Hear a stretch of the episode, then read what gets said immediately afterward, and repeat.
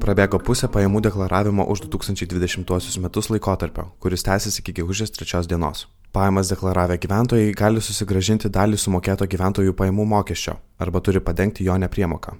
Pirmojų atveju susigražinamą sumą galima padidinti pasinaudojus valstybės teikiamomis lengvatomis, o antruoju gali laukti nemalonus santaupas apkarpysiantis surprizas. Kaip pasiruošti abiem pajamų deklaravimo scenarijams? Deklaruodami praėjusių metų pajamas, nuolatiniai šalies gyventojai turi teisę susigražinti dalį sumokėto gyventojų pajamų mokesčio, kurį praėjusiais metais sumokėjo už Lietuvoje gautas pajamas. Tiesa, vykdantiems individualią veiklą ir įmokų nemokantiems savarankiškai dabar teks susimokėti už visus metus. Paprastai rekomenduojame dar metų pradžioje pasvarstyti, kur panaudosite susigražintas lėšas ir papildomai pasidomėti mokestinėmis lengvatomis. Taip deklaruojant pajamas galite susigražinti iki 400 eurų. O štai iš anksto nepasiruošus atlikti įmokų už visus metus, nepriemoka gali tapti nemaloniu finansiniu surprizu. Dar sausio mėnesį valstybinė mokesčių inspekcija gavo daugiau nei 6 tūkstančius gyventojų pranešimų apie išlaidas už jiems 2020 metais suteiktas paslaugas. Deklaravus pajamas, šiems gyventojams sugrįž beveik pusę milijono eurų gyventojų pajamų mokesčio.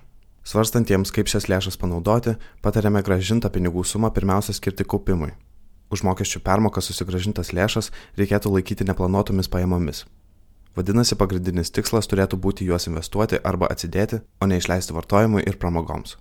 Pavyzdžiui, jei dar nesate sukaupę finansinės pagalbės, tai yra netikėtiems atvejams skirtos 3-6 mėnesių jūsų išlaidų sumos, galima šios pinigus skirti būtent tokio finansinio rezervo sukūrimui. Jau turintiems pakankamai atsargų rekomenduojama pinigus skirti ilgalaikiams tikslams, pavyzdžiui, taupyti vaiko mokslams ar kaupti lėšą senatvėjai. Tai panaudojus neplanuotas pajamas yra galimybė padidinti kaupimo ar investicijų gražos efektą, skirtingai nei pinigus išleidžiant iš karto. Tiesa, pajamų deklaravimo laikotarpis skirtas ne tik permokų susigražinimui, bet ir mokesčių sumokėjimui. Mokestinės nepriemokos dažniausiai aktualios individualią veiklą ar panašią veiklos formą pasirinkusiems gyventojams, kurie gautas pajamas ir išlaidas turi apskaityti patys. Šie gyventojai turėtų iš anksto planuoti ir ruošti sumokėti jiems priklausančius mokesčius, kad pateikus metinę mokesčių deklaraciją netektų susidurti su netikėtomis išlaidomis. Paprasčiausia būtų po kiekvieno gauto atlygio dalį jo iš karto pervesti į taupimui arba mokesčiams skirtą sąskaitą. Taip mokėtiną sumą sukaupsite po truputį ir be didelio streso. Jei nutiko taip, kad atėjus pajamų deklaravimo laikotarpiui pastebėjote, jog lėšų mokesčiams gali trūkti, verčiau šią sumą sumokėti iš karto panaudojant dalį sukaupto finansinio rezervo. Kitu atveju nuo šios sumos įmami skaičiuoti delspinigiai. Be to, mokesčių sumos nesumokėjus iki nurodytos datos, ji be įspėjimo tiesiog bus nuskaityta nuo gyventojų banko sąskaitos. Jei prievalę sumokėti mokesčius negalite atlikti dėl netikėtai kilusių finansinių sunkumų, apsvarstykite galimybę įmokų mokėjimą išdalinti per tam tikrą laikotarpį. VMI pateikia reikalingus dokumentus. Svarbu įvertinti ir tai, kad šalia šių įmokų mokėjimo turėsite atsidėti dalį gauto atlygio, kad kauptumėte sumą kitų metų pajamų deklaravimui. Lietuvoje nuo praėjusių metų įvestos gyventojų pajamų mokesčio lengvatos už patirtas pastatų ar kitų statinių apdailos, automobilio remonto bei nepilnamečių vaikų priežiūros išlaidas. Tebe galioja ir seniau pritaikytos lengvatos už įmokas į antros ir trečios pakopų pensijų fondus, už sumokėtas palūkanas būsto kreditui bei už būsto nuomą, gyvybės draudimo įmokas ir mokestį už studijas. Gyventojų pajamų mokesčio lengvata pasinaudoti galite teikdami metinę pajamų mokesčio deklaraciją. Maksimali išlaidų suma, nuo kurios galima atgauti mokesčius, sudaro 2000 eurų.